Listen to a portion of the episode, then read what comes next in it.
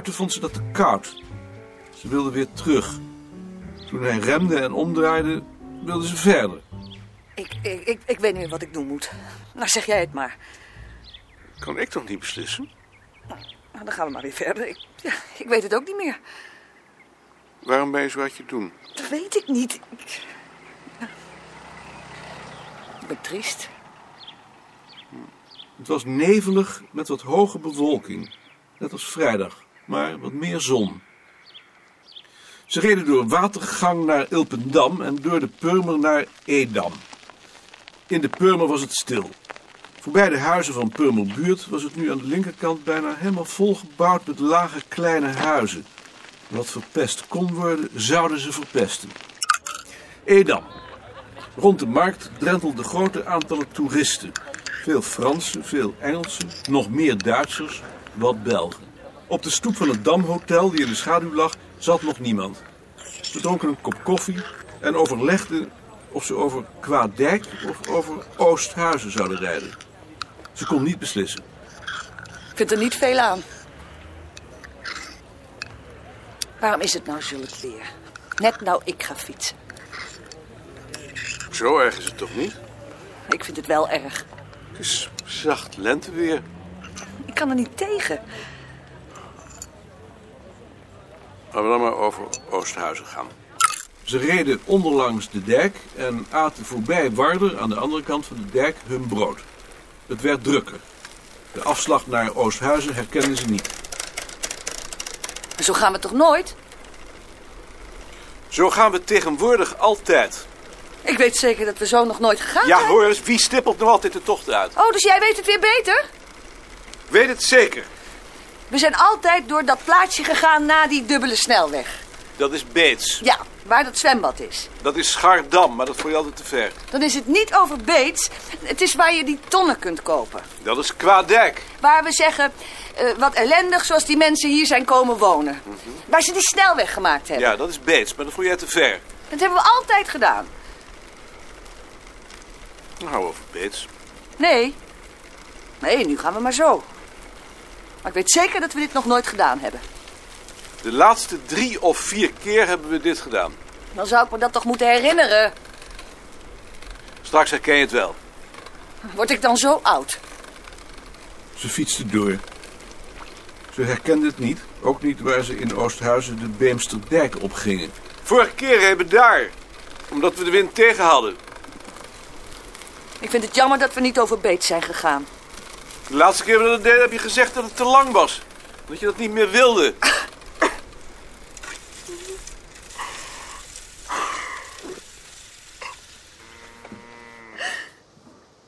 Wat is het toch? Ik weet het niet. Ik,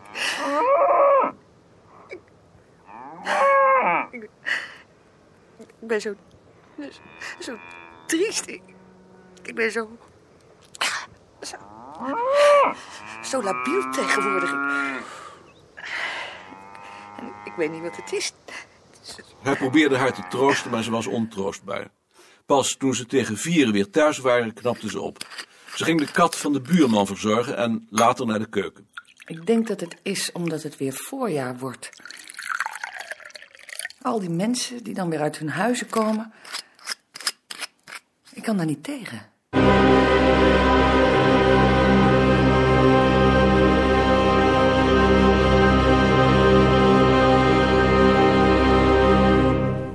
Paasmaandag.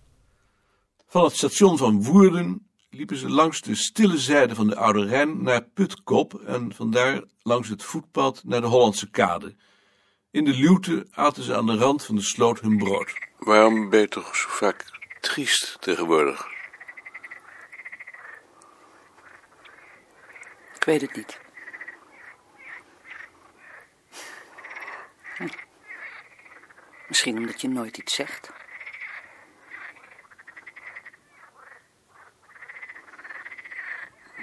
Maar ik heb toch nooit veel gezegd?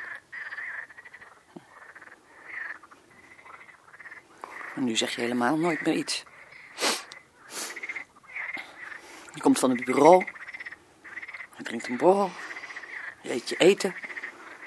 En dan ga je weer aan het werk. En verder niets. Geen woord. Het lijkt soms wel of ik niet meer besta. Zo erg is het toch niet?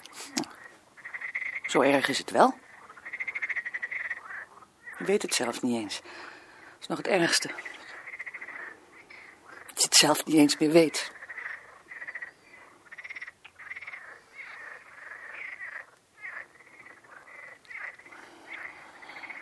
Maar ik heb het ook idioot druk. Maar het kan toch nooit een reden zijn om je helemaal niet meer met mij te bemoeien? Ik ben toch je huishoudster niet? Die er alleen maar voor heeft te zorgen dat je op tijd je eten hebt en dat het huis wordt schoongemaakt? Nee, natuurlijk niet. Je bent gewoon een eigen leven gaan leiden met dat bureau. En daar sta ik helemaal buiten.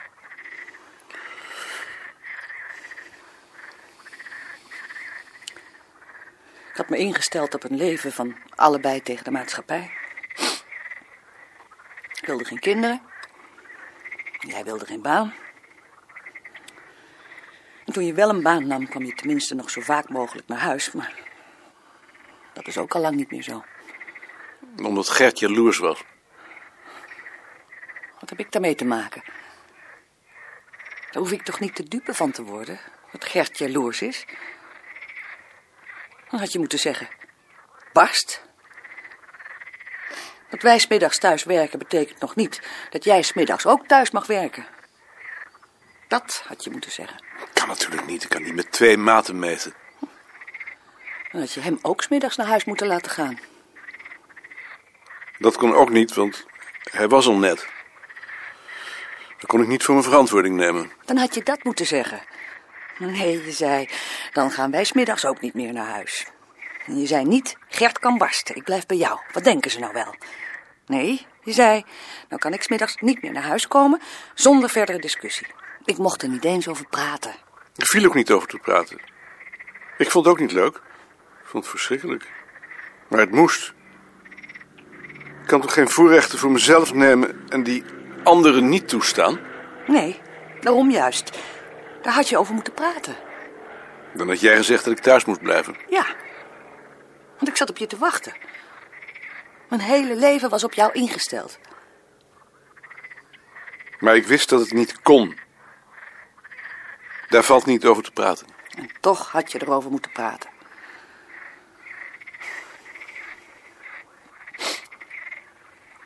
En je ging toen ook in commissies. Omdat je belangrijk was geworden. Daar kon je niet meer uitblijven. Ja, maar wel zo min mogelijk. Minder dan wie ook. Ja, natuurlijk. Stel je voor dat je net als andere mannen aan je carrière was gaan werken. Het was al verschrikkelijk genoeg dat je zei dat je ook voor de mensen op het bureau moest zorgen. Maar dat was heel moeilijk te verwerken voor me. Ik heb dat heel moeilijk kunnen verwerken. En daarom ben ik toen maar in Amnesty gegaan. En ben ik Russisch gaan doen. Dat was al voor Gert. Toch heeft het daarmee te maken.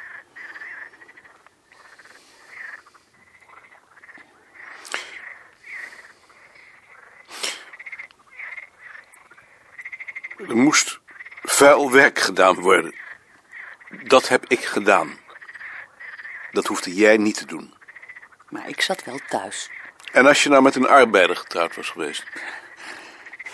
Ik ben niet met een arbeider getrouwd. Ik ben getrouwd met een man die samen met mij tegen de maatschappij was. Die ging ineens zijn tijd aan een baan besteden. In plaats van aan mij. Maar dat zijn toch verantwoordelijkheden die je niet ontlopen kunt. Je kunt toch niet alleen profiteren? Je hoorde bij mij. Daar gaat het om. Met verantwoordelijkheden heb ik niets te maken. Dat kan allemaal wel zo zijn. En verstandelijk kan ik dat wel begrijpen, maar emotioneel niet. Emotioneel ben ik verstikt.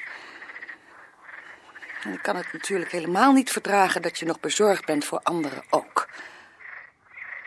Van haar uit gezien was hij de schuld van alles. Hij had een baan genomen, hij had verantwoordelijkheden gevoeld en daarom was zij bij Amnesty gaan werken. Die gedachte wekte verzet, maar geen boosheid. Boos was hij niet. Hij kon het alleen niet meer overzien. Het werd een chaos in zijn hoofd. Alsof er twee waarheden onverzoenlijk naast elkaar stonden. Twee totaal verschillende huwelijken, afhankelijk van het standpunt van waaruit je ernaar keek. En als je daar nog maar over gepraat had. Maar je zei niets. Geen woord. Het was zo, dus er hoefde niet meer over gepraat te worden. En dat is misschien nog het ergste van alles. Hij begreep wat ze bedoelde. Hij praatte niet over onvermijdelijkheden en zij wilde daar juist over praten. Dat gaf wrijvingen. Niet eens omdat hij niet praten wilde, maar omdat hij niet op het idee kwam. Wat gebeuren moest, moest gebeuren. Daarin leek hij op zijn vader. En het was juist deze houding die zij uitlegde als een capitulatie. Terwijl ze daarover praten, knapte ze zichtbaar op. Ze pakte zijn hand. Je bent lief. Dat verraste hem. Hij vond zichzelf niet lief en hij vond dit geen praten. Dat het haar bevredigde was een van die onbegrijpelijkheden die hun verhouding voor hem boeiend maakten. Zolang ze niet in ruzie ontaarden. Tevreden liepen ze de Hollandse kade af tussen de lage wilgenstruiken. De harde, droge oostenwind herinnerde aan Frankrijk.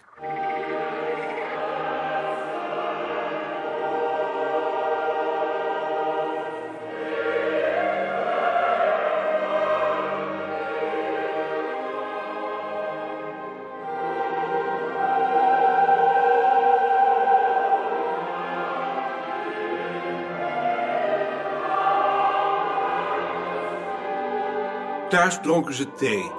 Hij dekte de tafel en. Ze aten in harmonie. Ik ben een gek mens, hè?